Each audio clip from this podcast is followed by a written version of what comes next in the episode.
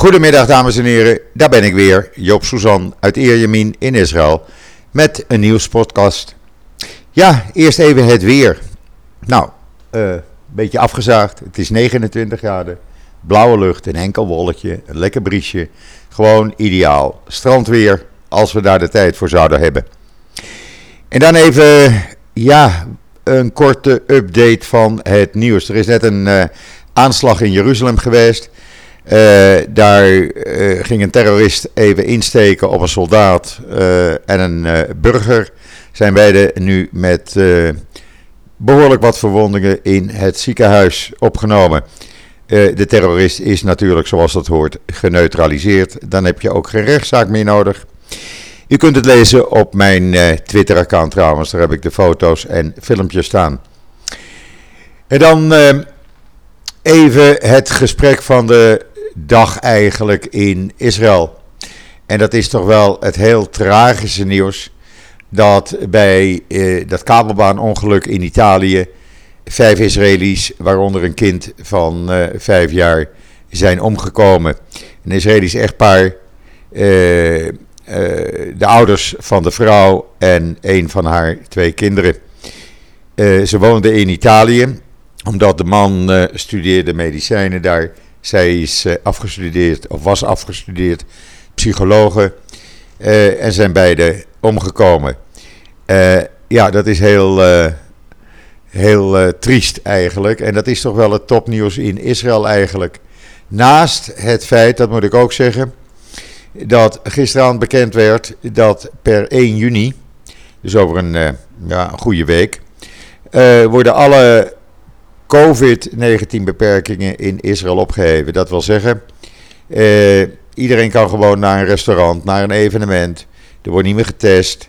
Eh, ja, we zitten op het ogenblik met zo'n gemiddeld 20 besmettingen per dag. Er liggen iets meer dan 100 mensen in het ziekenhuis. 109 als ik het goed heb. Uh, en uh, ja, het enige wat nog blijft is de mondkapjesplicht in binnenruimte zoals shoppingmalls en bij binnenevenementen zoals in bioscopen en theaters. Maar ook daar wordt nu over gesproken om dat mogelijk toch te gaan opheffen. Uh, het ziet er gewoon goed uit. Uh, we kunnen zeggen dat in Israël het COVID-19-virus ja, niet verslagen is, maar wel zo goed als verdwenen voor de time being. En dat, uh, ja, het maakt het gewoon makkelijker. Uh, het was al makkelijk, je hoeft geen uh, mondkapje op op straat meer. Je kan overal naartoe met je groene pas, maar nu mag iedereen er naartoe. En dat is, dat is gewoon prettig. Families kunnen naar evenementen. Je kan weer lekker een restaurant in. Je hoeft je niet eerst te laten testen als je niet bent gevaccineerd. Dus het gaat gewoon. Het normale leven is terug. En dat allemaal dankzij het vaccineren. Want daar komt het dus gewoon op neer. Ondertussen is uh, Benny Gans uh, druk bezig om te zorgen dat uh, ja, Hamas de hulpgelden niet in handen krijgt. Hij wil dat toch via de Palestijnse leiders laten lopen en dan gecontroleerd. geef je dat aan Hamas, dan weet je zeker dat het meteen naar de terreurafdeling gaat. Doe je het via de Palestijnse leiders, dan kan hij, eh, zegt hij, er nog een oogje op houden. Ondertussen heeft hij ook gezegd dat volledige wederopbouw van Gaza gaat niet gebeuren totdat Hamas twee Israëlische burgers en de stoffelijke overschotten van twee soldaten uh, teruggeeft. Uh, die worden al meer dan zes jaar vastgehouden door Hamas. En zolang die niet terugkomen, komt er geen volledige wederopbouw van Gaza. Hij laat dat niet toe en hij heeft groot gelijk. Uh, dan was er gisteravond ook uh, twee peilingen, zowel op channel 12 als op channel 13. En uit beide, u kunt het allemaal lezen op israelnieuws.nl, uit beide komt naar voren dat Netanyahu, ondanks dat hij nog wel 29 zetels met de Likud-partij heeft, maar hij is toch aan het verliezen ten opzichte van de oppositie. Eh, als je het anti-Netanyahu-blok neemt, dan krijgen die bij Channel 13 62 zetels. En bij Channel 12 eh, krijgen ze er 58. Dus ja, het zit er omheen te hangen als de Ra'an-partij, de Islamitische Arabische Partij, toch steun gaat verlenen. En daar ziet het ook naar uit aan het oppositieblok. Dan is er dus sprake van een meerderheid, zowel bij Channel 12 als bij Channel 13. Ook blijkt dat Lapid Netanyahu nadert als degene die men graag als premier zou zien. Er zit nog maar 5% tussen, dat gaat erg hard. En op de vraag, eh, wat betreft de, de, het uh, beëindigen van de gevechten met Hamas. Ja, daarvan zegt 47%, daar zijn ze het niet mee eens. Die hadden door willen gaan. 35% is het wel eens. Uh, en op de vraag wie er gewonnen heeft, zegt 50% dat geen van beiden gewonnen heeft. Nou, dan weet u een beetje hoe de politieke verhoudingen hier in Israël liggen. Uh, ja, laat ik zeggen, uh, het ziet er naar uit dat de gesprekken die Lapid nu uh, met extra vaart nog in gang heeft gezet om een regering te vormen, dat dat de goede kant uitgaat. Hij heeft nog tot 2 juni. Nou, dat moet gaan lukken, zeggen de specialisten hier. Dus we zullen zien wat daar in de komende dagen gaat gebeuren. Of Netanyahu moet weer zo slim zijn om opnieuw een uh, konijn te vinden wat hij uit zijn hoge hoed uh, kan laten komen. Dat is in het verleden nog steeds gebeurd. Als je denkt dat de kat negen levens heeft, heeft hij, heeft hij er 18. Uh, maar we zullen het zien. Het wordt heel spannend. Ja, en dan mevrouw Kaag er gaat weer heel wat gebeuren rond mevrouw Kaag.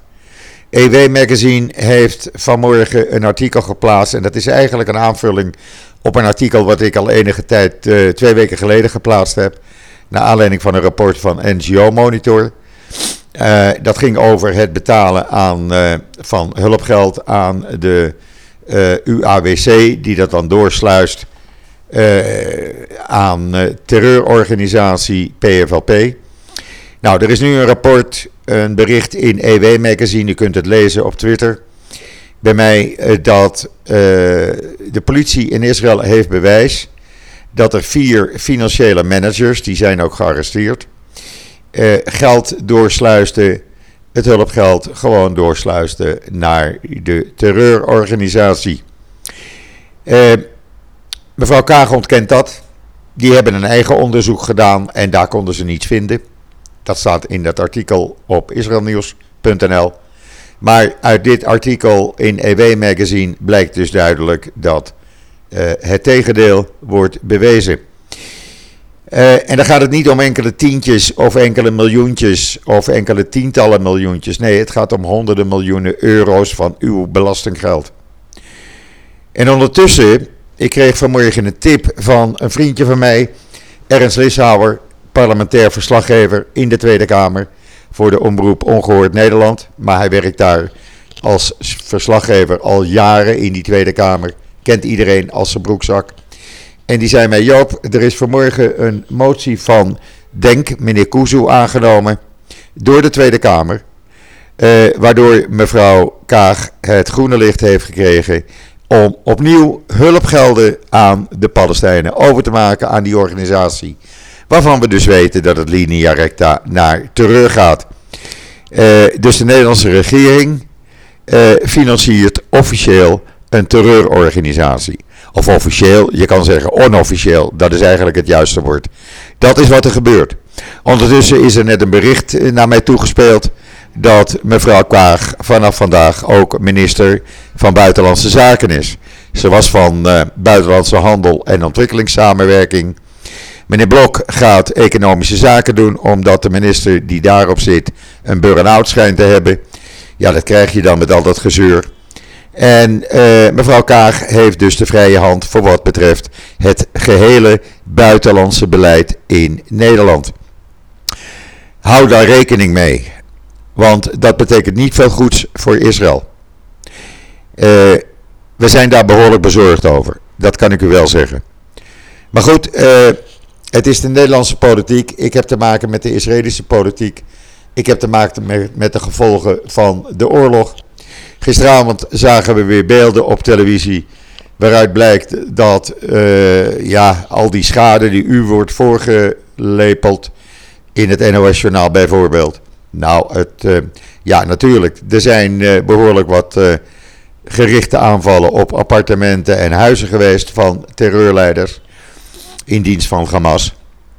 Maar de hele chique wijk, hij staat er nog. De shoppingmalls, zij staan er nog. De dure restaurants, maakt u zich niet bezorgd. Als u in Gaza lekker uitgebreid wil eten, dan kan dat, want ze zijn er nog allemaal.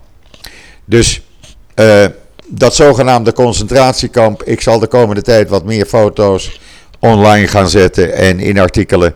Uh, om het tegendeel te bewijzen van dat zogenaamde concentratiekamp.